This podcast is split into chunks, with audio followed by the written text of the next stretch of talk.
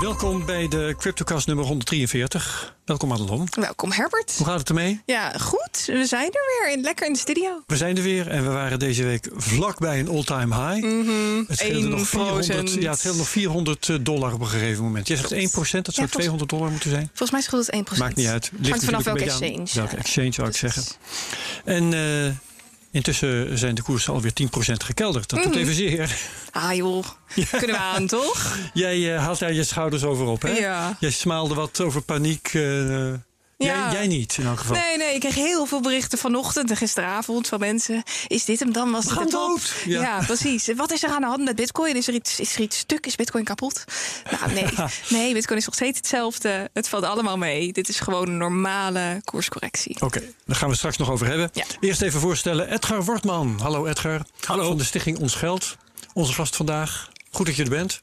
Ja, fijn hier te zijn. Ja, en we gaan het straks uitgebreid over eh, jouw stichting hebben. eh, wat jullie doen en wat jullie nastreven. En eh, wat de relatie met crypto eventueel is.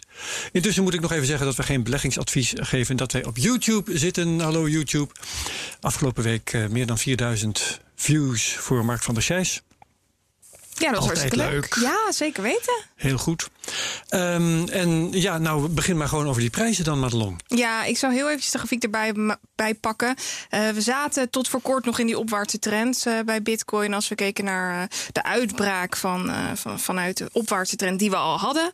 En dat was rond 6 november. Dus we gingen nog steiler omhoog. En ja, binnen no time van 6 november stonden we nog op een koers rond de 14.000, 14.500 dollar. Schoten we door naar 19.000 dollar. Dus dat gaat in een langzaamaan opwaartse beweging. Of althans langzaamaan. Maar Het ging, langzaam, be- ja. het ging best wel fors. En we zijn nu uit die opwaartse trend gebroken. Maar dat is niet iets waar je voor zorgen over hoeft te maken. Die trend die vond ook gelijk weer eh, een nieuwe, hogere bodem. Dus er is weer een nieuwe steun, een higher high, zoals we dat in de technische analyse noemen. En dat is eigenlijk hartstikke positief. Het is goed als je een, als je een stijging ziet van 60%, dat er dan eventjes een daling van 10% achterweg komt. Dat is niet meer dan gewoon. Ja. En ik snap dat dat in absolute getallen, hè, van 19.500 tot aan eh, 16.000, 16.500, dat je daarvan schrikt. Ja. Maar absoluut gezien is het niks om je zorgen over te Nee, want het is ook het niveau. Ik heb de plaatjes even niet bij de hand, maar eh, van, van ehm, een week geleden of zoiets. Ja, waar we dus nu op terug zijn. Het is niet meer dan logisch. En Bitcoin is niet stuk, dus maak je daar vooral geen zorgen over. Dit is een normale koerscorrectie. En we gaan dit echt toch wel vaker zien hoor, de komende periode. Ook wat Mark Ja. van der Scheijs vorige week zei. We gaan dit veel vaker zien. Hele harde eh, stijgingen die zich opvolgen met dalingen. En die gaan ook eh, behoorlijk snel en rap. Maar dat is logisch. Ja, dat is hoe het dat, werkt. eh, dat herinner ik me ook nog van het jaar waarvan iedereen zegt het ging alleen maar omhoog, 2017. Toen ging het namelijk niet alleen maar omhoog. Mhm. nee, tuurlijk niet. Toen had je ook dit soort dalingen, soms dagen achter elkaar. Met Ja. inderdaad, toen waren het geen duizenden, maar meer honderden dollars. Ja, Sterker maar toch wel weer 10 à 15, in sommige gevallen 20 procent. Precies, en dan kon het echt wel een maandje of zo duren voordat je weer terug was op het vorige niveau. Ja, precies. Hoe zie jij dat nu trouwens? Eh, hoe snel gaan we dit goed maken? Of ga je daar geen prognose over geven? Oh, dat vind ik best wel lastig in te schatten. Maar op het moment dat we zien dat deze steun gewoon steun behoudt. Dus dan, dan zouden we kunnen stellen dat er een nieuwe low of nieuwe, nieuwe hogere low eh, is, is neergezet. En dat is hartstikke positief. Dus vanuit daar kun je in een iets minder steilere opwaartse trend weer kracht vinden en weer omhoog gaan. Zo'n zo'n koers dat gaat met in- en uitademen, zo zie ik het altijd voor me. En paniek en emotie speelt een belangrijke rol. Maar in deze moet je weer opnieuw momentum opbouwen voordat je weer verder omhoog kunt. Kijk, we hebben natuurlijk wel een paar niveaus waar je, waar je, waar je naar kan kijken. Bijvoorbeeld rond de 15.000 ligt een niveau. Als je daaronder komt, dat zou wat minder leuk zijn. Maar voor de rest, dit, dit hoort erbij. Dit is normaal. Ja, oké. Goed, gaan we naar nieuws. Ehm, Edgar, heb jij eigenlijk nieuws voor ons eh, meegenomen? Niet echt, maar ik- nog wel een kleine beschouwing op die waarde van, van de bitcoin. Oh, wat leuk, Oh, ja. Die heeft natuurlijk ook te maken met het, eh, het, het gebrek aan vertrouwen in het algemene geldstelsel. Dus ik wil eh, de bitcoin-bezitters wil ik helemaal niet het plezier ontnemen van een stijgende waarde. Maar ik wil graag ook die kanttekening plaatsen dat het niet alleen maar goed is als die waarde zo stijgt. Als Mhm. we dan kijken van dat betekent toch ook donkere wolken over het algemene geldstelsel. Ja, Dus die wilde En ik graag even Fanatieke bijdragen. bitcoiners vinden dat alleen maar goed. Die, eh, vinden Nou, nou, nou. Donkere wolken over. Ja, Nee, nee, dat vinden we niet goed. De bijl aan de wortel van het geldstelsel. Ja, maar als je het, als je het Bitcoin is, is de mogelijke optie daarnaast, naast Plan het B, huidige hè? systeem. Het is inderdaad een plan B, maar dat betekent niet dat we blij worden op het moment dat de gewone economie in elkaar het ondertrok. Nee, nee, nee. De economie niet, maar dat is, dat is toch iets anders? Of is dat hetzelfde? Nou ja, geld, geldsysteem en de economie valt wel, wel redelijk. alles met eh, elkaar te maken, Ja, natuurlijk. is wel, ligt wel verbonden met elkaar. Maar eh, eh, wat, wat mij bijvoorbeeld opviel, is dat we normaal goud als safe haven zien. En dat nu de eh goudgoeroes juist een beetje richting bitcoin aan het verschuiven waren.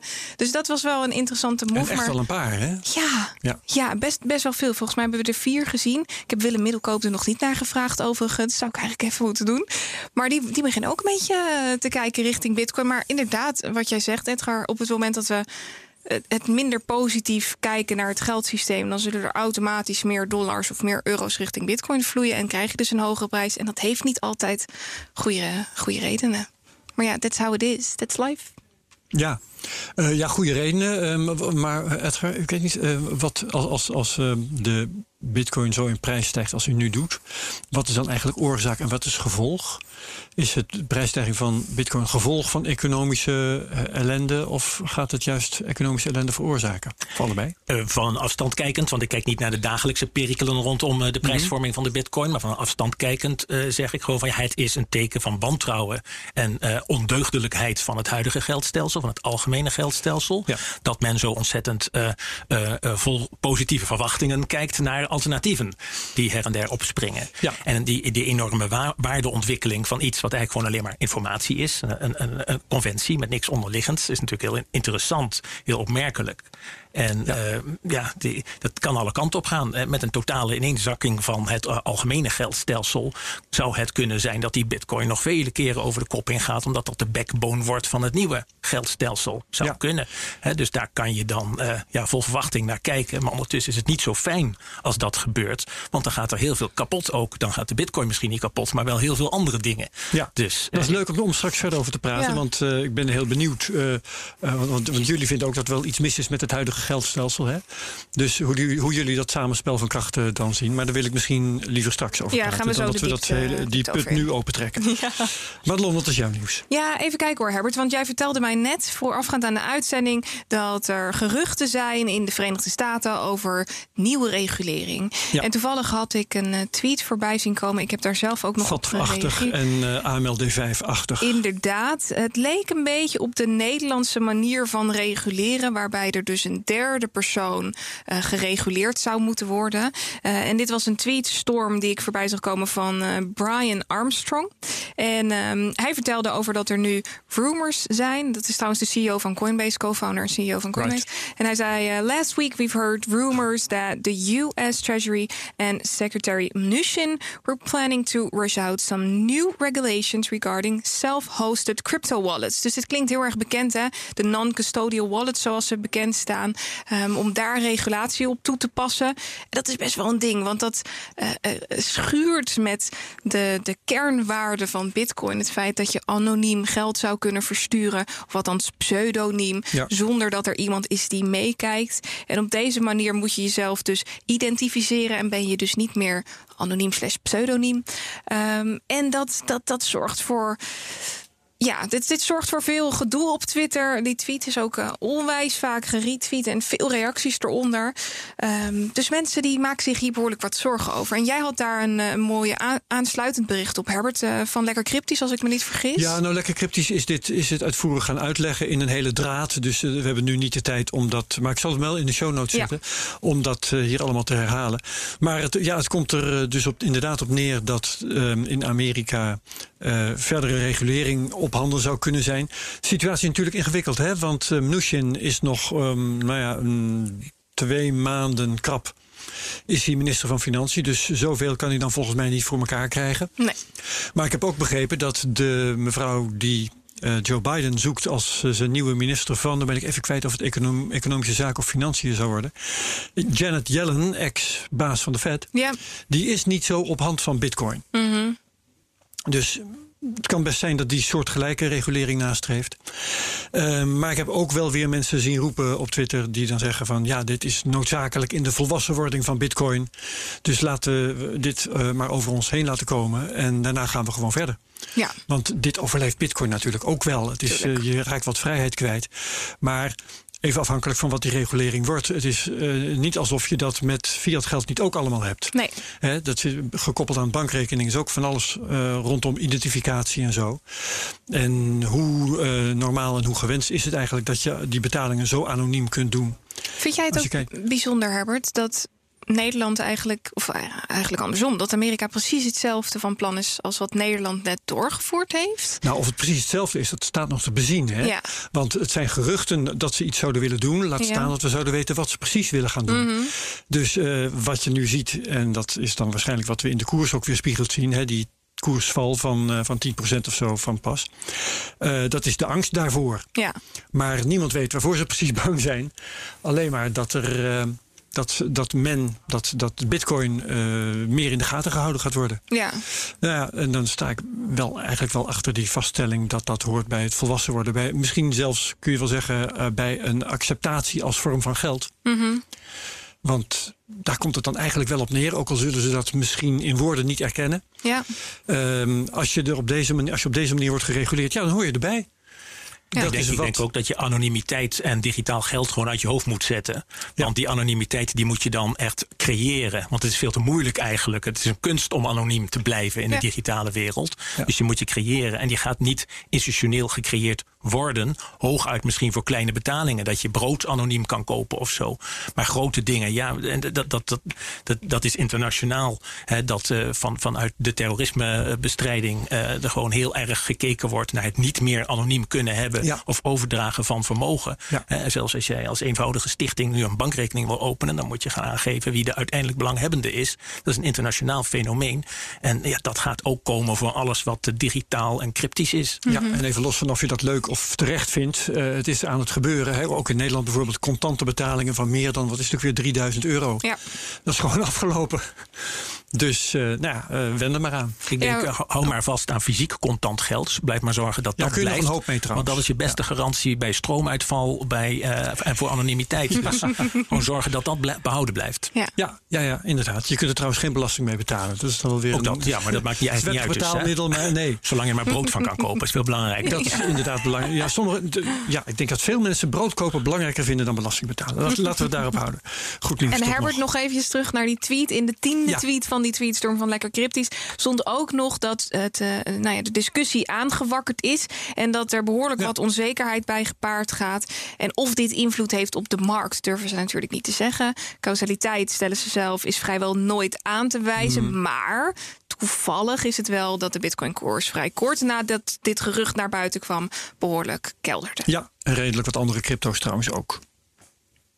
Oké, okay. um, nou ja, mijn nieuws. Ik, uh, het is mij de afgelopen week opgevallen dat, um, uh, zul je ook gezien hebben, dat de altcoins veel harder gingen dan uh, Bitcoin. Ja. En dat, dat, dat was voor die, uh, die koersval natuurlijk. Maar het was toch wel heel interessant. Ripple stond op een gegeven moment op plus 149% in een week. Um, Stellar stond ook boven de 100%. Ether stond op plus 50%. Uh, Cardano uit mijn hoofd gezegd op uh, plus 30 of daaromtrent. Het was echt uh, kermis. En bij veel daarvan uh, speelde het een rol dat er een upgrade aan zat te komen. Dus bij Ether natuurlijk is dat het geval. Mm -hmm. Is dat het geval. En ook bij Stellar uh, heb ik, even kijken hoor, hier heb ik het bericht, die wil ik er eventjes uitpikken. Dat is wel leuk, omdat wij, uh, we hebben natuurlijk onze grote vriend Wouter Arkink verschillende keren gehad om over Stellar ja. te praten. En uh, bij Stellar, nou het bericht dat ik hier heb, was de stijging nog maar 68%, is later dus nog veel meer geworden. De koers was op een gegeven moment 20 cent. En hij was vertrokken van 8 cent of iets dergelijks.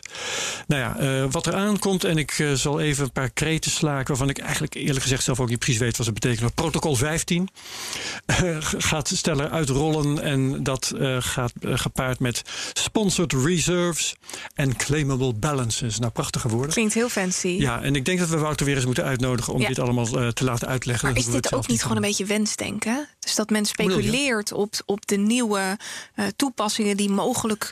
Uh, ik, ik zie het een beetje voor me als dat mensen aandelen Tesla kopen, omdat dat het de auto van de future, van, van de toekomst is. Uh, En dat dat een hele hoge potentie heeft. Maar in feite qua koers-winstverhouding, als je een beetje simpele berekening op loslaat, stelt het niet zo heel veel voor. Dat, dat, dat idee heb ik een beetje. Nou, er wordt weer heel veel beloofd, maar heel weinig gedaan. Ja, dat kan natuurlijk wel. Um, bij Ethereum denk ik dat het anders is in ieder geval. Want Ethereum um, moet je wel serieus nemen. Ja. En daar moeten we ook misschien nog weer eens een keertje op terugkomen. En van Cardano bijvoorbeeld en Stellar vind ik dat ik, ja, kan ik het moeilijker beoordelen. Ja. Cardano wordt wel gezien als een Ethereum, mogelijke Ethereum killer als het maar eens een keertje echt van de grond zou komen. Ja, precies. Het is, weer, het is weer wensdenken. Daar is, dat is wel waar, maar daar is zo'n upgrade in elk geval een noodzakelijke voorwaarde voor. Dat is en absoluut het een voldoende voorwaarde uh, is, dat is dan weer wat anders. Mochten trouwens uh, nu kijkers of luisteraars zijn die denken: hé, hey, Madelon, je zit helemaal mis met je wensdenken. Stuur dan even een reactie in. Dat kan ja. hieronder uh, via de, het reactieveld op YouTube. Maar je kan natuurlijk ook even ons op Twitter met de mensen at CryptoCast benaderen over deze onderwerpen, Precies. over de altcoins en dergelijke. Als je zegt van hé, hey, ik weet welke deskundigen jullie hierover moeten raadplegen. Die hebben jullie helemaal vergeten. Of ik ben zelf die deskundige. Uh nou, meld je gewoon aan en dan zullen we daar heel serieus naar kijken. Dat is altijd leuk. Om nieuwe mensen te leren kennen voor uh, onderwerpen waar we niet elke keer wat aan doen. Absoluut. Dat is mijn nieuws. En dan zijn we door het nieuws heen en dan kunnen we lekker met Edgar gaan bomen. Dan uh, geef ik jou het woord.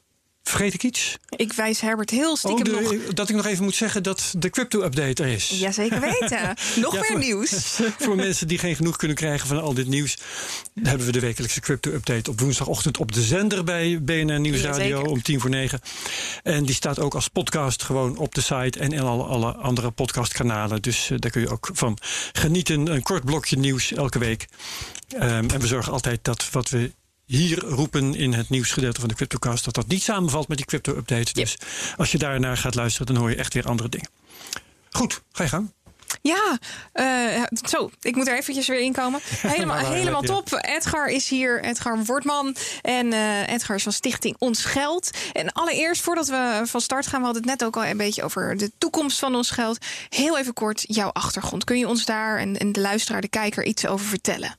Uh, ik eh, ben jurist. Ik denk dat dat relevant is. Want uh, vaak uh, praten economen over geld. Maar in dit mhm. geval is dat een juridisch perspectief wat je bij mij kan, kan krijgen. Leuk, benieuwd. Het gaat minder over getallen en meer over concepten. Het gaat ook minder over theorieën en meer eigenlijk over de institutionele werkelijkheid ja. rondom geld. Dat is eigenlijk ook heel belangrijk. Wordt door economen, vind ik, veel te vaak eigenlijk over het hoofd gezien. die zijn al veel te snel bezig met theorieën en modellen. Mm -hmm. En slaan dan eigenlijk over de institutionele werkelijkheid. Terwijl daar is eigenlijk, in die, in die werkelijkheid, daar is de dat is de werkelijkheid van geld. Dus die moet je niet overslaan wanneer je daar uh, over, over nadenkt. Ja. En hoe ben jij bij Stichting Ons Geld terechtgekomen? Um, nou, ik, uh, dat is in 2012, denk ik, 2013. Ja. In 2012 dat het net was opgericht. En dat was een, een beetje een, uh, een kraaiende website van actie. We pikken het niet meer met dat geldstelsel. Ik dacht, daar moet ik bij zijn. Daar, ga ik, uh, heb ik mij bij aangemeld en bij aangesloten. Maar vond je dat toen ook al? Was je het er toen al mee eens? Oh ja, ja, ja, ja. ik was al jaren geëngageerd op het geldstelsel. Maar bijvoorbeeld toen de crisis van, de, van 2008 was, nog een persbericht uitge, uitgezet en gezegd van ja, maar de minister moet helemaal geen banken redden. Hij moet het geld redden. Laat die banken maar gaan. Je moet geld redden. En nou, er was nul, nul respons. Het heeft me honderden euro gekost om dat op de APK, uh, op de nieuwswire te zetten. Nul respons erop. Nou, was, was misschien ook geen goed En, en wat is het verschil tussen de banken redden en geld redden? Wat voor andere dingen moet je dan doen? Uh, bij met geld gaat het om het, het, dat, dat bezit dat de mensen denken te hebben. Mm -hmm. en, en, en bij banken redden, dan ben je bezig met de activa van de banken. En dat zijn een hele grote berg schulden, die op een zeker moment onhoudbaar wordt. Hè? Dat is eigenlijk waar de wereld nu ook op afgaat. En de banken zijn gered door er geld in te pompen, dat, dat weten we nog. Maar wat had er in jouw ogen moeten gebeuren? Nou, datgene wat wij eh, denken dat geld is, dus die tegoeden, die kan je uit het bankwezen trekken en zeggen die houden we gewoon zo, de S is wat het is. En die onderliggende waarde, ja, die moeten we saneren op de een of andere manier. Daar moet gewoon het faillissementrecht kunnen worden toegepast. Misschien moeten we eerst nog even, even terug naar, naar de basis, want anders gaan we gelijk al richting het antwoord. Ah. Uh, even, even goed om te schetsen, want hoe ziet ons geldstelsel er momenteel uit? Hoe, hoe werkt ons geld? Ja, Heel vaak wordt gezegd dat wij een fiat geldstelsel hebben. Mhm. En alle mensen die dat zeggen, die hebben het denk ik niet zo heel erg goed begrepen. Want namelijk het fiat geld in ons geldstelsel, dat zijn de, de munten en de bankbiljetten, uh, die maken niet zoveel uit in dit stelsel. Als je ze afschaft morgen, dan verandert dat stelsel niet wezenlijk. Dus een betere beschrijving van ons geldstelsel is dat we een monetair, monetair kredietstelsel hebben. 100% van de geldhoeveelheid ontstaat uit krediet is krediet, een bepaalde vorm van krediet, namelijk monetair krediet. Namelijk krediet dat eigenlijk niet mag defaulten, dat niet onderuit mag gaan, omdat wij denken: dit is geld. Maar het vervelende is, de krediet, dat is de schuld. We maken geld niet uit goud, maar uit schuld. Het is een op schuld gebaseerd geldstelsel. En uh, schulden, ja, die, die zijn niet zo stabiel, niet zo inert als maar goud. Wil je dat even concreet maken? Want um, ik ken het verhaal dat als er iemand een hypotheek toegekend krijgt, dan uh, uh, wordt daar speciaal geld voor gecreëerd. En dat er wordt bij de, de, de persoon die een hypotheek neemt, krijgt geld. Daardoor ontstaat bij de bank een, een schuld die deze persoon aan de bank heeft. En in die zin wordt geld gecreëerd uit schuld. Maar uh, hoezo is alle geld gecreëerd uit schuld? Kun je dat duidelijk maken, dat ik het begrijp? Uh, ja, uh, er, wordt, er wordt vaak gezegd van nee, er is zoveel procent is er contant geld. Hè, dat mm -hmm. is dan de munt en de biljetten. Maar die maken voor de geldhoeveelheid niet uit. Mm -hmm. Want contant geld, dat koop je eigenlijk van de bank. Je neemt dat op en dat, dat wordt substitutie genoemd. Dus de geldhoeveelheid verandert daar niet door. De samenstelling van de geldhoeveelheid verandert. Maar okay. de, de geldhoeveelheid wordt allemaal gecreëerd als krediet. Dus onder andere door Op die diezelfde manier als de hypotheek. Ja, ja, ja, ja, dus dat noemt men wederzijdse schuldaanvaarding. Uh, dus de een bekent uh, schuld aan de ander en de ander bekent schuld aan de een. En dat, die, die schulden die registreer je. En uh, dat, dat, dat, dat, dat, dat zien wij dan als geld. En maar dat... eigenlijk zijn het allemaal registraties van schuld. Ja. geld is bedoeld om schuld mee af te betalen. Maar in het monetair kredietstelsel hebben we eigenlijk gewoon een, een groeiende berg van schulden. die alsmaar maar niet betaald worden.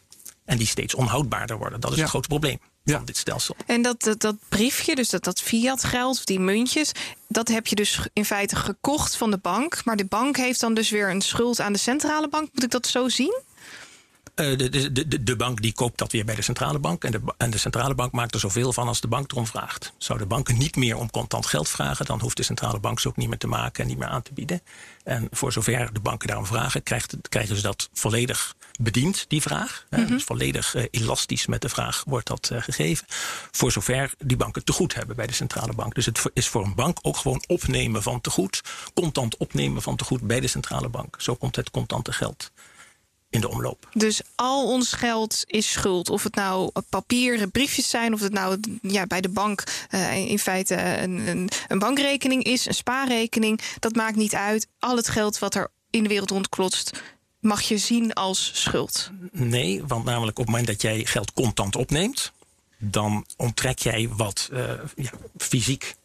Uh, fysieke representaties van geld, belichaming ja. van geld. Dat dus net niet. Jij.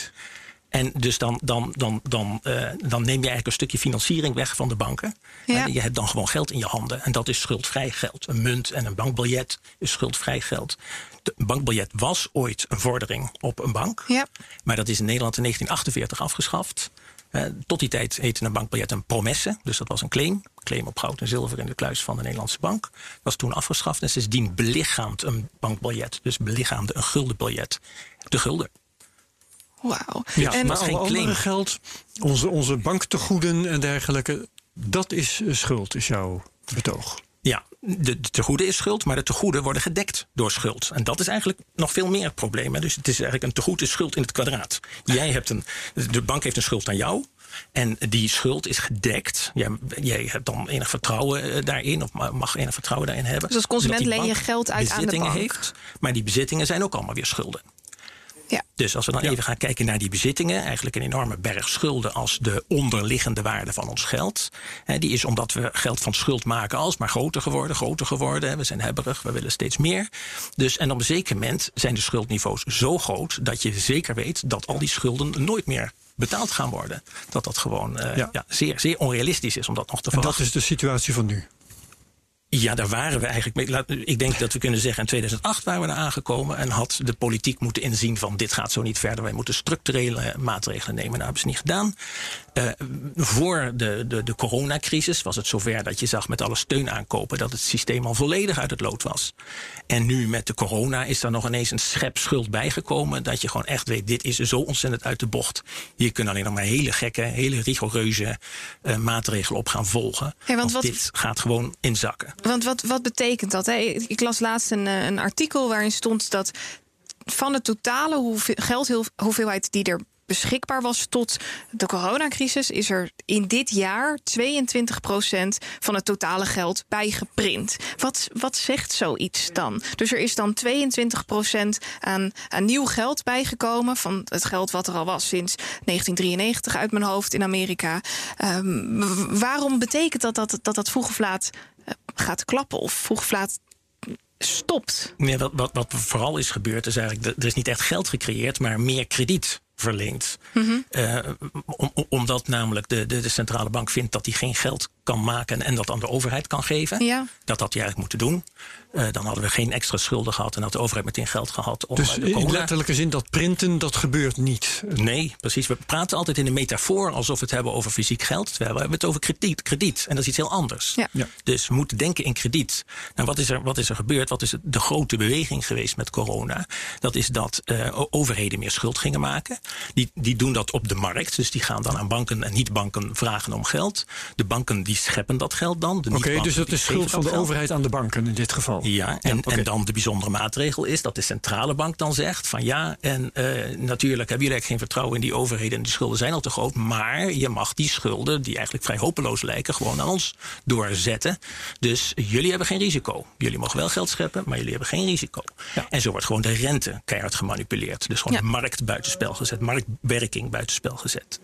En jij stelt, ik heb eerder een voorgesprek gehad, jij stelt dat uh, dit geldstelsel, hoe we dat nu kennen, dat het eigenlijk achterhaald is. Waarom vind je dat? Oh, nou de reden waarom we dit kredietstelsel hebben, het monetair kredietstelsel, mm -hmm. is omdat dat betaling over afstand faciliteert. Door de gewone betaling is dat je iets moet overdragen. He, historisch zou dat dan zijn geweest dat er goud en zilver over de Alpen heen gebracht moest worden op ezeltjes. Maar dat werd voorkomen omdat je namelijk zo'n monetair kredietstelsel ging maken. Het goud en zilver kon blijven liggen waar het lag. Maar je, ging, je, had geldvorderingen op, op ergens goud en zilver dat er lag. En je hoeft alleen maar informatie over te dragen over wie welke vordering heeft. Ja. Dus je kon eigenlijk een geldstelsel of je kon betaling over afstand gaan faciliteren. Doordat je eigenlijk alleen nog maar de informatie hoefde over te dragen. Mm -hmm. Nou, dan hebben we in, in, de jaren negentig kwam het internet op. En toen heeft de econoom Minsky, dat is eigenlijk mijn favoriet van alle economen, die heeft toen ook geschreven van ja, dit is best wel fundamenteel gegeven dat het internet er is, moeten wij ons afvragen of we eigenlijk nog wel een centrale bank nodig hebben en of wij nog wel pariteit moeten doen. En pariteit, wat is dat? Dat wil zeggen dat er een institutionele ordening is die zorgt dat geldvorderingen, dan specifiek geldvorderingen op banken, dus de monetaire geldvorderingen, één op één uitwisselen met de, met de euro, met je, met je munt. Ja, In dat het zo goed is als geld. Ja, om, Omdat je, je kan er blind vertrouwen in hebben. Je kan het at face value nemen, want je gaat niet kijken naar al die hopeloze activa van nee. die bank. Je zegt gewoon, dit wordt gedekt, de belasting betaalt de centrale bank. Mijn euro op mijn bankrekening is vol, volkomen gelijkwaardig aan de euro die ik in mijn zak heb. Ja, nou en die Minsky die zei dus van, we hebben dat systeem nu gebaseerd op pariteit. Hè, dat is de kern van wat de centrale bank doet. En uh, is dat nu nog wel nodig, nu het internet er is? Hè, en dat zei hij ruim voordat de euro kwam. Waarom zou dat uh, nu het internet er is niet meer nodig zijn? Omdat je dan via het internet kan je een betaalstelsel doen, betaling over afstand, zonder dat je dat doet over bankbalansen, zonder dat dat ah. gedekt is met schulden. Je kunt dan gewoon uh, digitale, uh, digitale munten kan je, kan je dan gaan maken. Hij voorzag dat. En uh, helaas waren de mensen die de euro gingen ontwerpen niet zo visionair, dus die zijn doorgegaan in dat oude spelletje met banken en geld maken uit schuld. en, en, en dat heeft eigenlijk gezorgd dat we nu al 15 jaar best wel meer bezig zijn met de afbraak en ellende binnen Europa dan al die beloftes van samenwerking en opbouw en voorspoed. Begrijp jij waarom, waarom dat zo is? Waarom ze nooit een overstap hebben gemaakt naar een nieuw systeem? Nou, in, in, in 2017 had uh, de uh, Europese Commissie willen de burgers gaan betrekken van Europa om een visie te vormen over de toekomst van de EMU, dus van het monetaire stelsel. Mm -hmm. Nou, wij hebben toen als stichting hebben wij daarop op gereageerd. We hebben een brief gestuurd naar de commissie en gezegd: Nou, wat jullie moeten doen, dat is overgaan op digitale euro buiten het bankgeldstelsel. Dus niet een digitale euro uitgegeven door banken of door de centrale bank, maar buiten het bankstelsel. Daar moet je gewoon een veilig geld gaan creëren, digitaal veilig geld. Nou, toen hebben ze op een zeker moment gezegd dat ze daarop zouden gaan reageren. Dat duurde heel lang. Die, die brief die ging uiteindelijk, ze waren bezig met een visie vormen voor de toekomst. Maar die brief die kwam terecht bij de afdeling compliance in, in Luxemburg. Daar hebben ze toen in één pagina gereageerd op ons verhaal. In één uh, Alinea kon je zien dat ze het aardig goed begrepen, wat wij zeiden. Gewoon, je kan veilig geld maken als je dat buiten de banken doet. En digitaliteit maakt dit gewoon mogelijk. En toen zei ze, ja, en we kunnen je verzekeren, hier zijn wij niet mee bezig. Dus dat was het einde van dat verhaal gewoon. Dat zij dus op dat moment niet bezig waren met op deze manier kijken naar hoe je het geldstelsel op een verantwoorde manier kan organiseren. Gegeven dat we internet en digitale technieken hebben. Ik heb er wel een vraag over. Um, waarom is het uh, in jouw ogen, in ogen van de Stichting Ons Geld, belangrijk dat die digitaal euro buiten de banken wordt gecreëerd? Um, omdat je als je hem binnen de banken doet, dan blijft het geld als schuld. dat zie je ook zoals de ECB er nu mee bezig is. Dan begint ze altijd te zeggen, dit, is een liability van de ECB. Dus ze willen het nooit neerzetten als wat wij noemen een monetair object. Mhm. iets, eh, een onstoffelijk iets wat uh, gewoon uh, de belichaming is van geld. Een beetje zoals je bitcoin uh, meer kan bekijken. Nee, het blijft altijd gekoppeld aan hun balans. Het blijft een vordering op die bak met ellende die ze eigenlijk zitten, te, zitten te verzamelen. Dus eigenlijk op het moment dat je kan af gaan vragen van die balans van de centrale bank ziet hij er nog wel fijn uit. Op dat moment gaan ze zeggen ja, en, en het publiek mag nu ook bij ons komen, komen bankieren eigenlijk. He? Dus eigenlijk op het moment dat het zo hopeloos is uh, in hun keuken, dan mogen wij ook ineens een vordering hebben op hun. Mm Dus het is eigenlijk iets wat je niet zou moeten willen. Ik denk ook zelfs dat de manier waarop de ECB nu praat over de digitale euro, dat dat ten goede komt aan de bitcoin-koers. Want uh, wij willen dan eigenlijk veel liever een alternatief dat niet aan risico blootstaat. Ja, dan iets waarbij je gedwongen wordt mee te gaan in het grote gesocialiseerde risico. Ja, dat is wat je daarnet ook zei aan het begin van, uh, van deze aflevering van de CryptoCast. Ja, waar ik benieuwd naar ben, is uh, de mogelijke oplossingen. Want jullie stellen een, een prachtige oplossing voor, maar de Europese Centrale Bank vaart nu een iets andere koers. Kun je een beeld schetsen van waar uh, zij mogelijk naartoe willen met ons geldstelsel, met de komst van een uh, central bank digital currency? Nou, daar zijn ze zelf ook nog een beetje naar aan het zoeken. Mm het begint eigenlijk met de probleemstelling. Waarom doe je dat, zo'n zo munt? Nou, wij zijn jaren al campagne aan het voeren over een veilig geldstelsel. Uh, omdat we namelijk zeggen, het geldstelsel zoals het nu is, is inherent instabiel. En het loopt gewoon, het gaat gewoon een keer uh, van het spoor aflopen. Dan is het gewoon klaar. Dus ja. we moeten daar tijdig iets mee doen. Wil ik zo nou, nog wel iets over vragen, maar maak eerst je verhaal maar even. Dat mag. Um, en dan komt de, uiteindelijk dus. Uh, eerst, eerst werd dat idee van de digitale euro genegeerd. Nu komen ze er ineens mee. De ECB komt daar zelf mee. En uh, begint dan uh, meteen met te zeggen van ja, de ECB zorgt voor veilig geld. Punt. Dus de hele probleemstelling dat in dit geldstelsel in, inherent onveilig is en dat het helemaal fout aan het lopen is, dat negeren ze gewoon volkomen. Daar willen ze het niet over hebben. Ze zeggen gewoon wij zorgen voor veilig geld. En nu gaan we daaraan toevoegen een gimmick. En dat doen we eigenlijk alleen maar omdat we bang zijn voor Mark Zuckerberg met zijn, met zijn Libra. En uh, uh, dus wij komen ook nou met een digitale euro. Hoe, wat, uh, zo, dat weten we allemaal nog niet precies. Maar in ieder geval, dat speelt natuurlijk ook mee. Wij trekken de discussie naar de achterkamertjes van Frankfurt en ja. Brussel. En weg uit het parlement waar wij graag die discussie zouden willen voeren over dat nieuwe digitale veilige geld. Ja, maar de stelling dat dat huidige geldstelsel inherent instabiel is, um, kun je dat staven op een of andere manier? Want um, het gaat al een hele tijd goed. Er staat toevallig op de site van BNR en waarschijnlijk op andere plekken een hele interessante podcastserie van Michiel Bikker-Kaarten, ooit oprichter van BNR, um, over de vraag: uh, kan dit wel goed gaan? En in samenspraak met een hele rits economen komt hij tot de conclusie dat het eigenlijk best een hele tijd kan goed gaan. We zien het ook al tien jaar en langer, twaalf jaar eigenlijk al goed gaan. Wat je ook goed noemt, maar in ieder geval niet uh, volledig instorten. Um, dat je, he, hoe, hoe, kan het dat er geen inflatie ontstaat terwijl de geldpers uh, rustig doorrammelt? En um, hoe, hoe, kan het dat de boel blijft doorfunctioneren terwijl er negatieve rente. Ja, het, het kan, er is economische activiteit, we leven nog. Dus Waarom zou het per se mis moeten gaan? Nou, het geldstelsel is natuurlijk vreselijk robuust. En dat heeft eigenlijk de afgelopen tijd ook bewezen. Je kan het zo, zo, hard verkrachten als je maar wil. Het blijft eigenlijk overeind. Waarom? Omdat het zo ontzettend noodzakelijk is voor ons allemaal. Mm. En wij kunnen niet zonder. Wij moeten blijven vertrouwen daarin. Als we ja. daar niet meer in vertrouwen, ja, wat, wat, hoe gaan we het dan doen? Dus, uh, dus het is eigenlijk al inherent is het robuust. En daarom kan het ook zo gigantisch misbruikt worden. Als je ziet met de paardenmiddelen waarop het nu overeind wordt gehouden, die zijn gigantisch. En die, verstoor, die zijn enorm marktverstorend. Hè? Manipuleren van de rente. Op de geldmarkt, daar, daar, daar wordt nu gigantisch hoeveelheden activa gekocht. Omdat eigenlijk de, de marktpartijen ze niet meer willen hebben. Ja, dus de, centrale bank is eigenlijk geen, geen bank meer. Maar is een centrale beleggingsinstelling of een centrale bail-out instelling geworden. Hè, die koopt alles op wat de markt De eigenlijk niet meer wil. Waar de markt geen vertrouwen in hebben. Waarvan de insiders die die, die producten gemaakt hebben zeggen van nou, eh, doe ze maar weg. Maar is er dan nog wel een vrije markteconomie? Nou, de, de, de, de centrale bank is, eh, behoort, eh, behoort te zorgen voor een open Stabiliteit. markteconomie. Ja, precies. Maar wat ze eigenlijk doet, is gewoon de, de, de vrije markt daarin volledig laten verdwijnen. Ja. Het is een, wij noemen het wel een, een communistische aberratie in de kern van je kapitalistische systeem. Ja, geweldig. Kapitaalcommunisme. Ja, een leuk beeld. Ja, ja, zeker. Ik ben even benieuwd naar, naar de oplossing die jullie hiervoor schetsen. Want hier zijn eh, uren, uren, dagen, weken, maanden aan denkwerk voor, aan vooraf gegaan. Ehm, hoe zouden jullie als Stichting Ons Geld het geldsysteem willen indelen?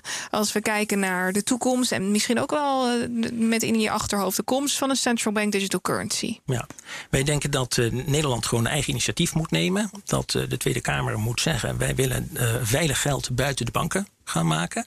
En eh, dat betekent eigenlijk dat alle Nederlanders een veilige rekening kunnen gaan openen. waar ze geld te goed van hun bank naartoe kunnen overmaken. Het ziet er ook helemaal hetzelfde uit als dat je gewend bent normaal in je betaalomgeving. Alleen je zet je geld dan bij een publieke bewaarinstelling.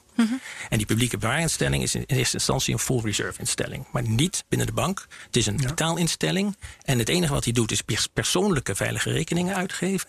En de ontsluiting van die veilige rekening kan gewoon in jouw vertrouwde eh, bankomgeving blijven zitten. Dus je krijgt eh, in plaats van je rekening courant of naast je rekening courant krijg je een veilige rekening.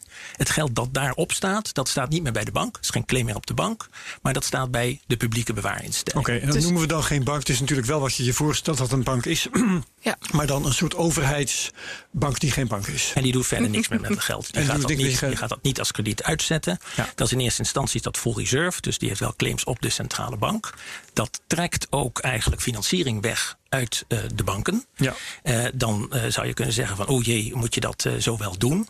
Nou, de wetenschappelijke raad van het regeringsbeleid heeft gezegd, ja, op zich is dat goed om eh, banken wat meer uit te dagen. Dan, naarmate er meer marktwerking ontstaat, wij weg kunnen lopen van banken, worden zij verplicht om zich verantwoordelijk te gaan gedragen. In- in een Dus rapport- eigenlijk, eigenlijk betekent het even, even om het concreet te maken: dat er dus een partij is vanuit de overheid. waar je je geld op een hele veilige manier neer zou kunnen zetten. zonder dat het daadwerkelijk uitgeleend wordt. zonder dat je de rente opkrijgt. En je hebt dus ook dan geen depositogarantiestelsel meer. Lijkt me, want dat is niet nodig.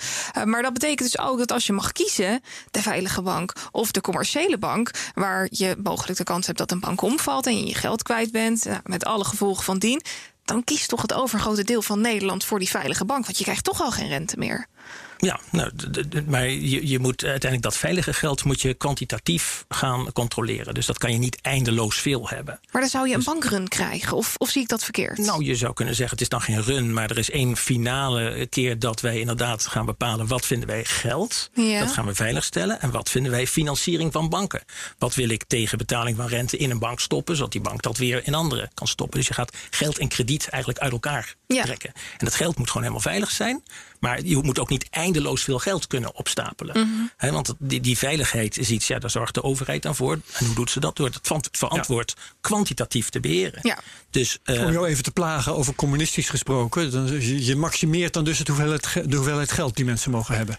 Eh, ja, alleen, eh, maar dat doe je door beprijzing. Dus die zegt van bijvoorbeeld een, Ja. tot een ton eh, Ja. is het gewoon renteloos gratis. Oh, zo. En, en Ja. als je meer wil, dan krijg je een progressieve wel veilig, maar dan belasting. betaal je ervoor. Progressieve belasting.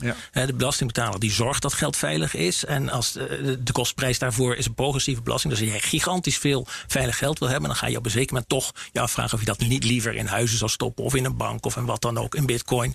Dus dat je dan ook mee gaat doen met je Ja. geld, met je vermogen in Ja, de economie. ja.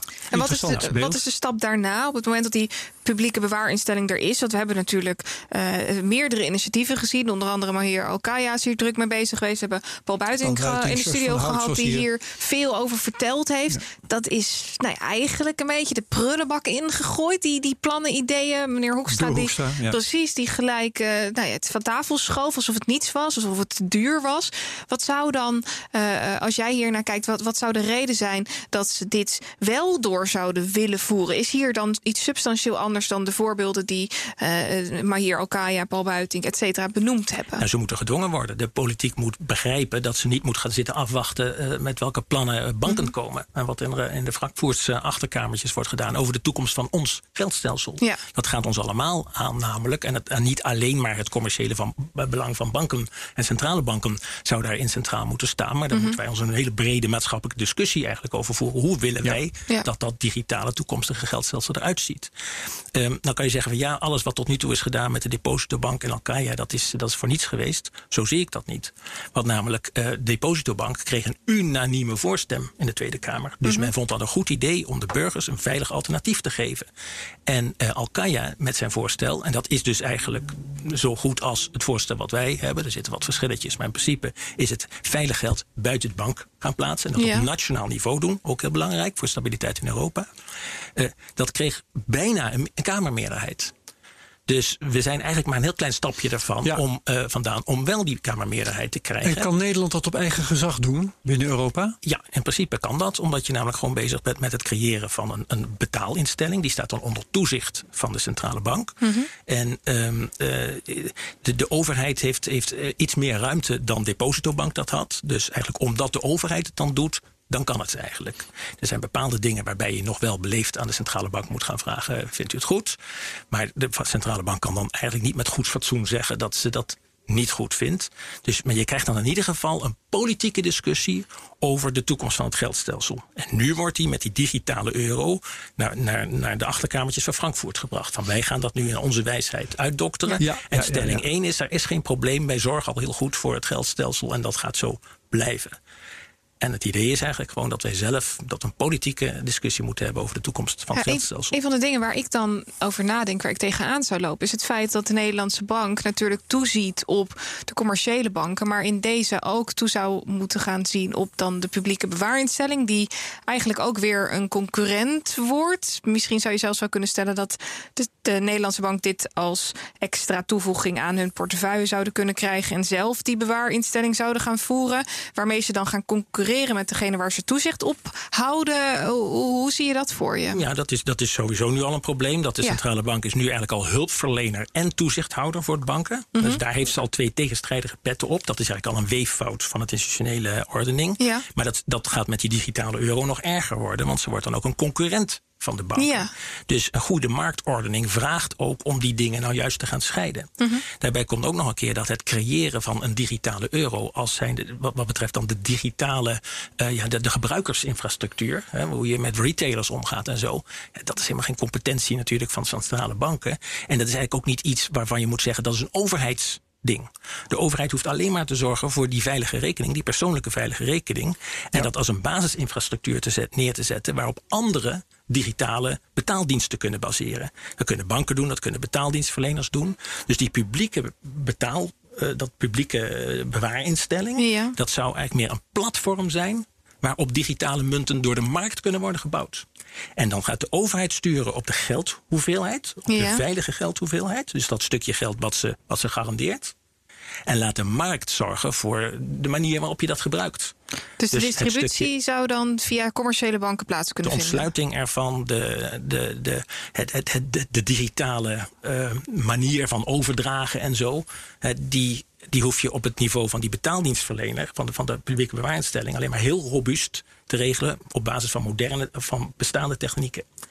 En de, de laag die je daarboven gaat zetten, de laag die, waar je over gaat denken wanneer je hebt over crypto-dingen en mhm. digitale euro's, laat dat gewoon aan de markt over hoe dat zich gaat ontwikkelen. Maar eigenlijk zou dat dan betekenen dat ik bijvoorbeeld in de, in de app van mijn bank een rekening heb, wat dan een rekening courant is, maar daaronder zou ik ook mijn digitale centraal bankgeld onder diezelfde rekening bij de ING kunnen stallen. Al is het dan niet meer een claim op de bank, maar een, soort van cash. rekening is het dan als ik cashgeld. Je, je, hebt een persoonlijke rekening, uh, dat, dat is de veilige rekening dat is overheidsgeld. En eh, een deel van dat geld kan jij dan toeschrijven aan een bepaalde betaaloplossing. Als je Mhm. zegt, ik wil dat echt als een digitale munt laten roleren.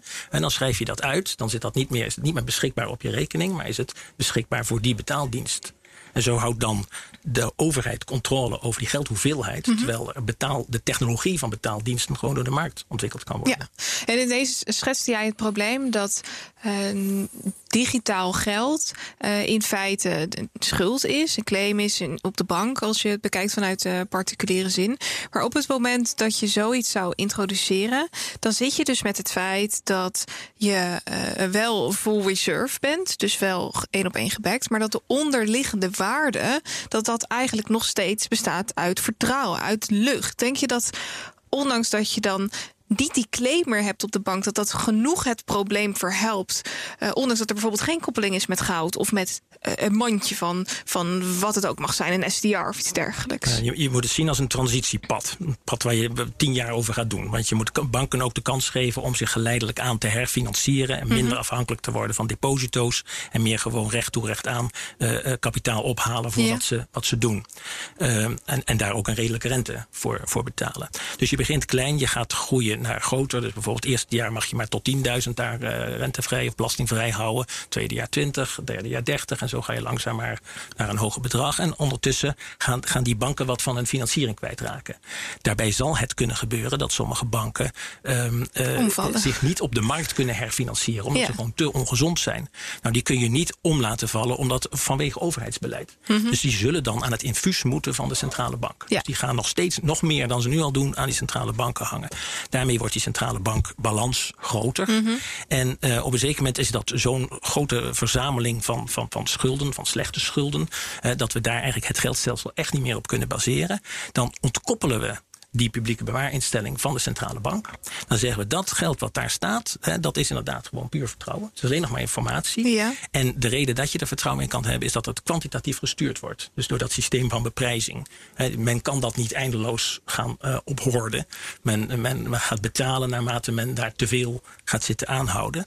En dat kan transparant gemaakt worden, in ieder geval losgekoppeld van de onderliggende waarde bij de centrale bank. En op dat moment valt dus die hele, al die activa van die centrale bank, het schuldenwaterhoofd van ons huidige systeem, is Valt dan weg. gecentraliseerd, Ja.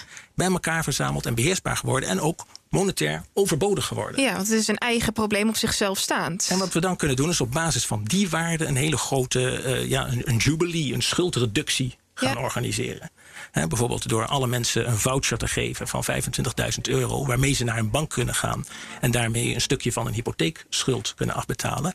Dan gaat die bank vervolgens met dat voucher naar de centrale bank en een stukje van zijn schuld aan de centrale bank afbetalen. En dat is een, een jubilee op basis van betaling. Dus geen schulden wegstrepen, maar versnelde afbetaling.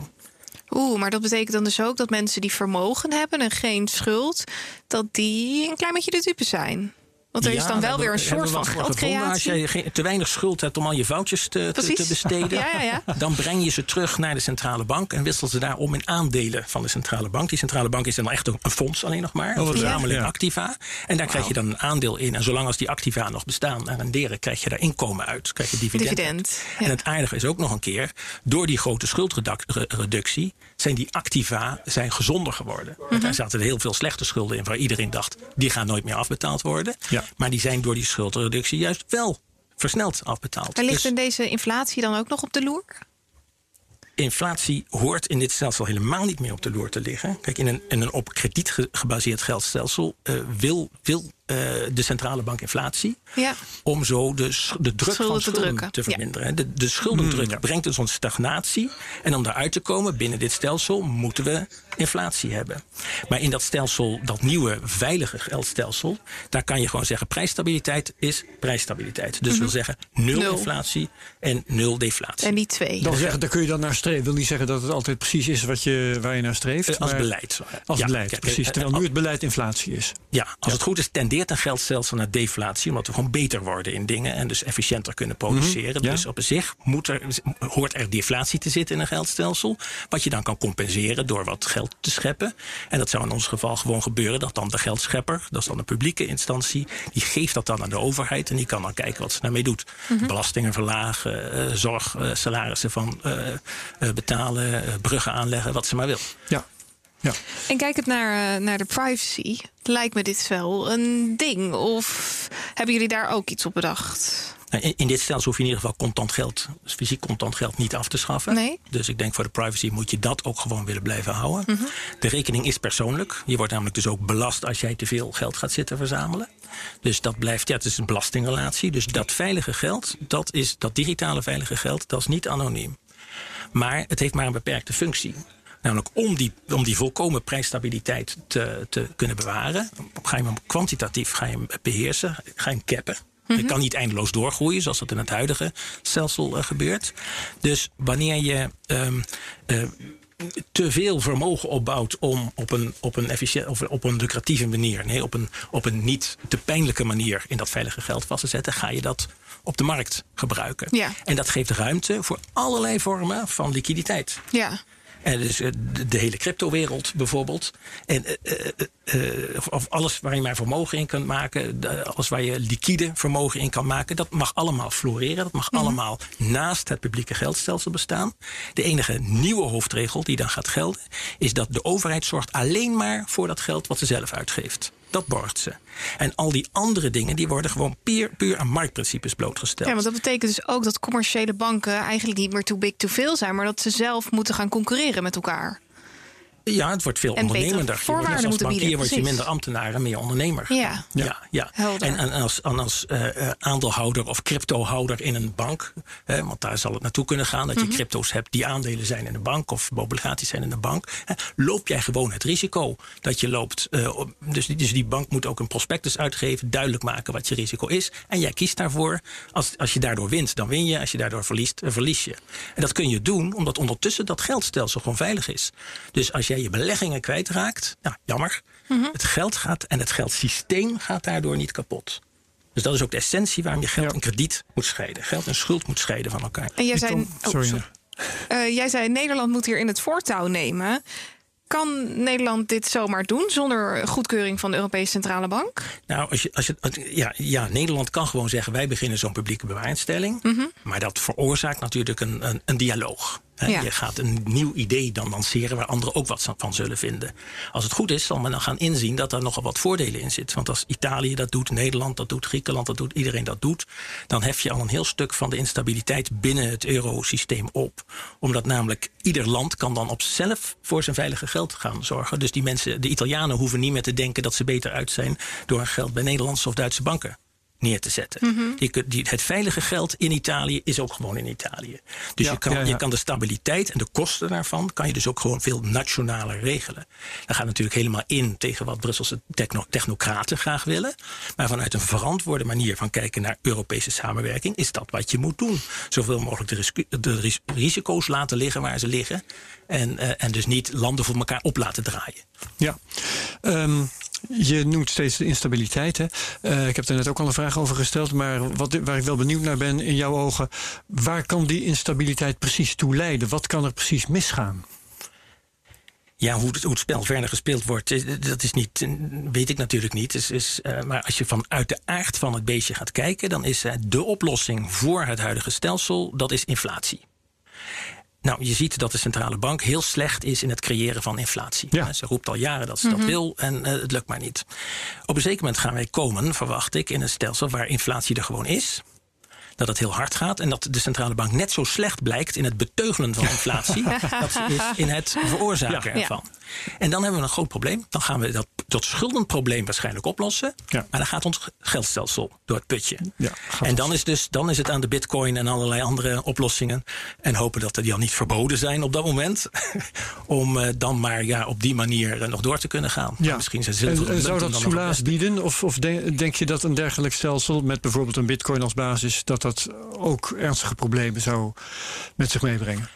Ja, Bitcoin is natuurlijk volkomen op de deflatie in, ingesteld. Dus Ja. Mhm. de, de, de, de, de hoeveelheid is gefixeerd in principe. En eh, een goed stelsel gaat denk ik uit van een actief management. Dus er wordt een continu balans gezocht tussen, tussen de geldhoeveelheid en de, en de verhandelbare waarde in de economie. Mhm. En het Bitcoin-model is gewoon nee, zoveel Bitcoin is er. Het kan wel een beetje groeien volgens een zekere maatstaf, maar dat is het. En hij moet dan maar meer waard worden. En ondertussen gaan we steeds kleinere stukjes, snippertjes Bitcoin maken. Dus satoshis en zo maken. En daar gaan we het dan in doen. Ja. Of, of andere munten gaan daaraan hangen. Dus dat is, een, ja, is op zich een, een interessant model. Ehm, Hebben jullie daar ook concreet naar gekeken? Naar, naar bitcoin als, als mogelijke betaalmiddel? Of? de, de oprichter van ons geld was helemaal geïnspireerd door de bitcoin en de, en de, blok, eh, blockchain. Dus Ze zijn wel wat Digitalisering houdingen. zit in ons DNA. Ja. Het is Ja, alleen ja, ja. niet zo dat we nou allemaal heel erg ehm, eh, in de bitcoin eh, zitten. Nee. Maar wat voor rol zie jij voor crypto in een, gezonde, in een gezond geld, geldstelsel? Eh, vrije markt, alternatieven. Eh, het gezonde geldstelsel is dat de overheid zorgt voor wat, wat in de basis geld is. Iets wat functioneert. de belichaming van de waardeeenheid, van de Ja. algemene waardeeenheid.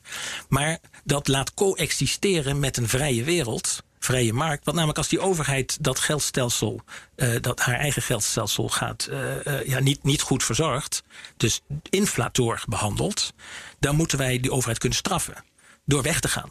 Dan zeggen we, nou, dan zijn we niet geïnteresseerd in die Ja. zogenaamd veilige haven van kunnen jou. Want dat is geen toevallig. veilige haven. Dus het feit dat je continu alternatieven hebt, dat is heel belangrijk. Ja. Dus je moet, moet het scheiden, geld, eh, geld en schuld, geld, geld en risico moet scheiden. Ja. Maar je moet wel zorgen dat er een continu eh, de, eh, ja, een, een, een niet ver, ver- verstrengelde verhouding is tussen een overheid die scherp gehouden wordt door een echt vrije markt. En wat je nu hebt is een vrije markt die overeind wordt gehouden door overheidsmacht, waardoor de overheid zelf weer gegijzeld is. Ja. Dus je hebt nu eigenlijk een best wel pervers systeem. Er zitten perverse verstrengelingen in. En daarmee zijn we destijds eigenlijk ook het burgerinitiatief ingegaan. Het is een verstrengeling en die moet uit elkaar, die moet worden ontknoopt. En nou, dat is nu, eh, wat is het, zeven jaar verder. De ontknoping is nog niet echt begonnen. Door wie Nee. wordt de stichting Ons Geld zelf eigenlijk betaald? Eh, door, eh, door vrijwilligers. De, de, Donaties. De, de- de belangrijkste bijdrage is gewoon eh, dat, dat we het werk doen. Als het gebeuren moet. Dus het is gewoon op vrijwillige basis werken. En eh er komen wat donaties binnen, waardoor er soms ook wel wat vergoed kan worden. Dat is eigenlijk onze basis. Ja. En ten aanzien van, van het geld, ik, ik hoor jou, jou, Herbert, net hebben over minder schuld en dergelijke. Ehm, krijgen we dan in deze twee vormen van geld op het moment dat jullie plan uitgevoerd zou worden? Dat je een vorm van eh, ja, commercieel bankgeld krijgt en een vorm van inflatieloos eh, geld wat veilig is? Zie ik dat goed? Ja, je, je kan natuurlijk allerlei vormen krijgen van privaat gecreëerde liquiditeiten. Ja. Alleen die moeten in een vrije wisselkoers staan met je veilige publieke geld. Dus geen pariteit, geen gedwongen één op één koersverhouding, maar juist een vrije wisselkoers. Dus als jij zegt, ik heb een crypto en die is gebaseerd op goud ergens in een kluis. Ja. En eh, nou, zolang wij denken dat goud is er ook, dan kunnen we op basis van de goudprijs de uitwisseling met onze, onze ge- geldswaarde eh, doen. En als we er eens achter komen, oh, maar dat goud is er eigenlijk helemaal niet, dan, dan kukkelt kukkelt dat ding in, maar dan gaat ook niemand het verder overeind houden. Je, Ja. ja, dat is vrije markt. Het enige wat de overheid moet doen is proberen eerlijkheid te handhaven. Ja. Dus wel proberen dat als iemand zegt... ik heb hier een, een, een asset, kan je kopen... en dat is op basis van goud in de kluis... dat als iemand dat goud helemaal niet heeft... maar het wel zo verkoopt, dat hij daarop afgerekend wordt. Dus zo'n rechtsstelsel heb je wel nodig. Maar Ja. niet een overheid die dan zegt... oh, als het goud er niet is, dan leggen wij het er wel in... op kosten van de belastingbetaler. Ja. Dat is natuurlijk het, dat is eigenlijk het perverse systeem wat we nu hebben. Eh, hoe groot is de kans van slagen voor het plan wat jullie gemaakt hebben? Eh, nou, ik denk dat het 100% zeker uiteindelijk gaat gebeuren. Maar de hoe lang vraag is alleen wanneer en En ten hoe? koste eh, gaan we, gaan we proberen ellende te voorkomen. Of moeten we eerst alle ellende doormaken totdat we inzien dat het gewoon zo gaat moeten.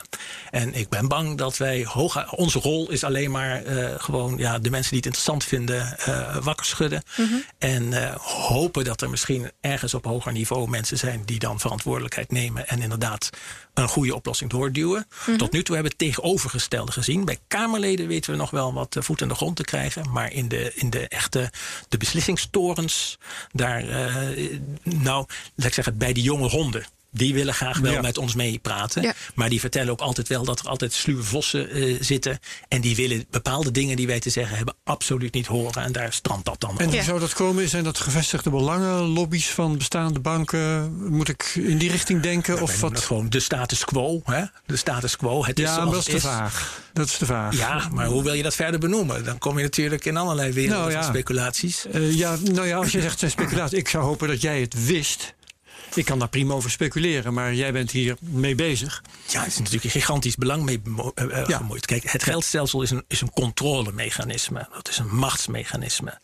En eh, ik denk ook, we kunnen het zo zien, dat onze democratie, zit nu eigenlijk ergens halverwege de feodale machtspyramide. We hebben nu een feodaal stelsel niet gebaseerd op land, zoals in de middeleeuwen, maar op basis van het financiële. En dat financiële, daar is de overheid een onderhorige. Die, die, die moet zorgen dat mensen netjes hun belastingen en hun schulden betalen. Want als dat niet gebeurt, dan stort dit schuldgeldstelsel uh, uh, uh, ineen. Maar de overheid is niet in controle over de geldpers. En wie is dat wel?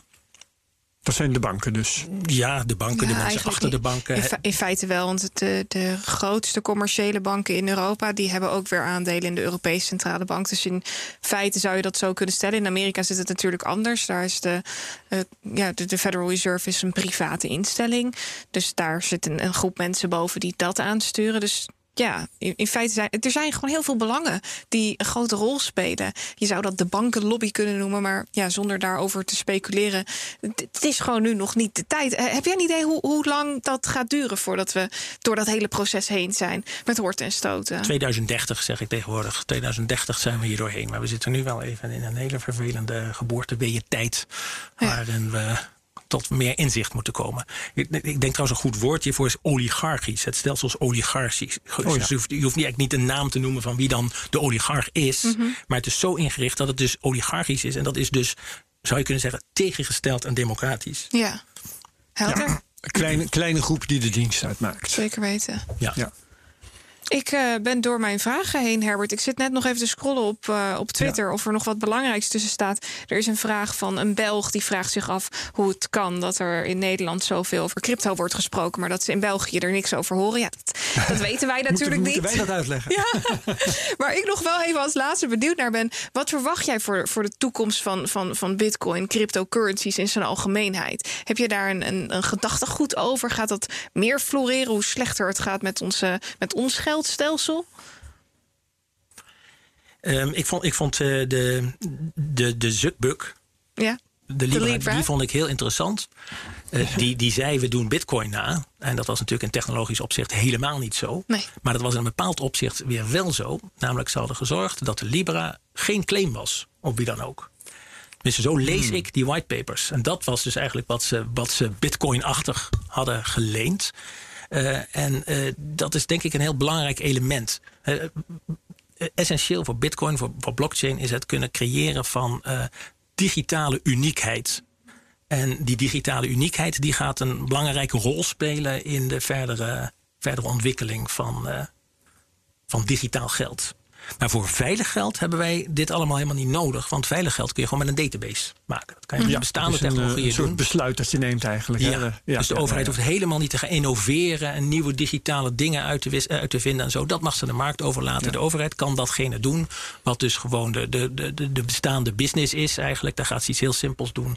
Gewoon een server neerzetten en daar persoonlijke veilige rekeningen. Een, een digitaal geldpakhuis. Ja, ja, ja, dat is eerst gekoppeld dus aan het schuldenpakhuis eigenlijk. En op Ja. een zeker moment gaan we Ja. het schuldenprobleem oplossen en geld en schuld losknippen. Ja. Ja.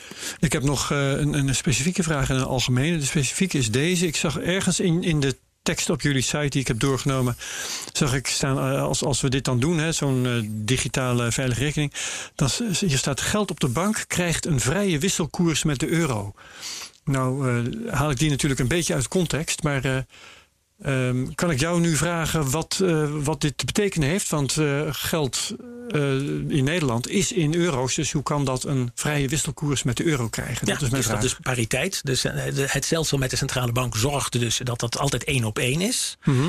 Maar dan in, op het moment dat, dat we de tien jaar verder zijn en het veilig geld gaan scheiden van bankgeld, dan stop je met pariteit. En dan is dus, dan moet je bankgeld eigenlijk zien, dan heb je de keuze, is het aandeel of is het obligatie? Oké, dus dan krijg je een andere eenheid. Dus het, zij, het geld bij de bank krijgt dan een andere eenheid. Bijvoorbeeld, het heet aandelen. En je. Het drukt zich wel uit in je munteenheid, maar het heeft een vrije wisselkoers. Dus we kunnen niet zeggen, een vordering van 100 is altijd 100 waard.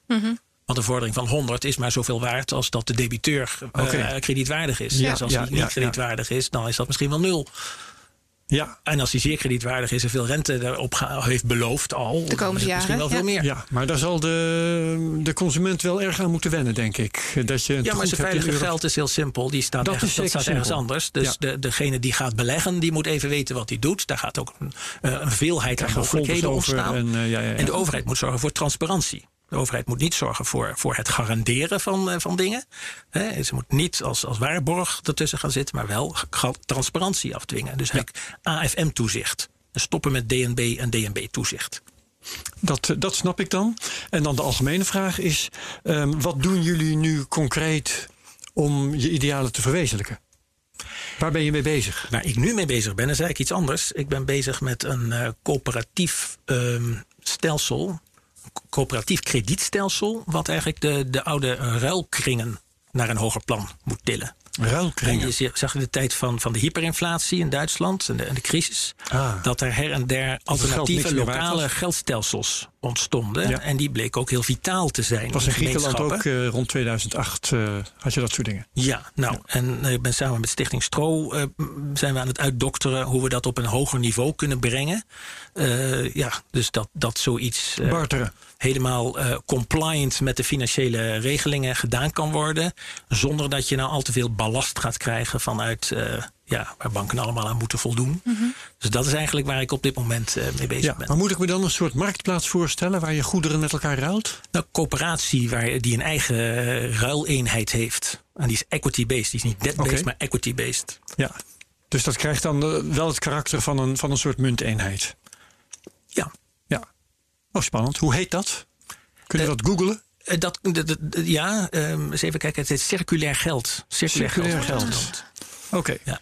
Dan maak ik even een notitie van kijken of ik daarover iets in de show notes ik kan zetten. Ik zie toevallig nog net een bericht voorbij komen van Paul Buitink. En hij heeft het over Debt Jubilee is coming to Europe. En de titel van het stuk wat erbij staat is... ECB should wipe COVID crisis debt to help nations recover. En dat is eigenlijk wat jij genoemd hebt in een iets vergevorderd stadium. Maar dit is wel waar het hoogstwaarschijnlijk mee zal beginnen.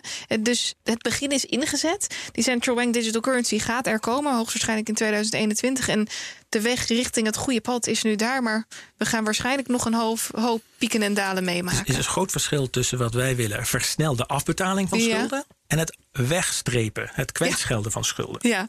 Want als je schulden gaat kwijtschelden, dan zal, om dit stelsel overeind te houden, iemand dat moeten gaan betalen. Ja, daar ja, moet ergens geld vandaan komen. Dat zijn de belastingbetalers. Ja. Dus, oh, juist. Dus dat gaan wij ook niet zo willen. Er is een betere oplossing, namelijk een versneld afbetalen. Ja.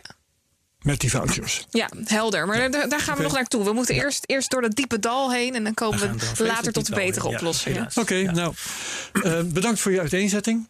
Leuk. Uh, Edgar Wortman van Stichting Ons Geld. Leuk ja, dat je hier was. Zeker weten. Uh, volgende week dan hebben we Marcel Burger van uh, oh, Burger ja, Crypto. Ja, uh, we gaan op met de hem, woensdag al, Herbert? op woensdag nemen we dat, dat ja. op. Dus dat zal woensdagavond of anders vroeg donderdag waarschijnlijk live staan. Ja, dus dan weet leuk. je dat alvast. Dat je iets eerder de CryptoCast kunt gaan downloaden dan je anders misschien had gedaan. Yep. Gaan met hem praten over Plan B. Hebben we al diverse keren eerder gedaan. En denk ik omdat... Um, hij daar op uh, dagelijkse basis mee bezig is over investeren in bitcoin door grote partijen. Dus ja, dat kijken tof. hoe dat in Nederland uh, eruit ziet op dit moment. Ja. Nou, als je deze CryptoCast leuk vond, uh, deel hem dan met je volgers op Twitter. Gebruik de mention at CryptoCastNL. Um, op Apple Podcast doe een review. Op YouTube, dag YouTube, like, subscribe en comment enzovoort. Want waarom moet je er altijd zo om lachen? is altijd zo leuk. Like, like subscribe en comment. Ja, dat, dat is de kreet die ik dan in de Ja, ja, ja, ja, ja. Amerikaanse podcast... Amerikaanse YouTube-video's. Ja. Hoor. Goed, nou, genoeg gelachen. Uh, bedankt voor de aandacht in deze CryptoCast. Heel graag tot volgende week. Madelon, bedankt. Herbert, jij natuurlijk Ja, bedankt. En allemaal tot de volgende keer. Dag. Hoi.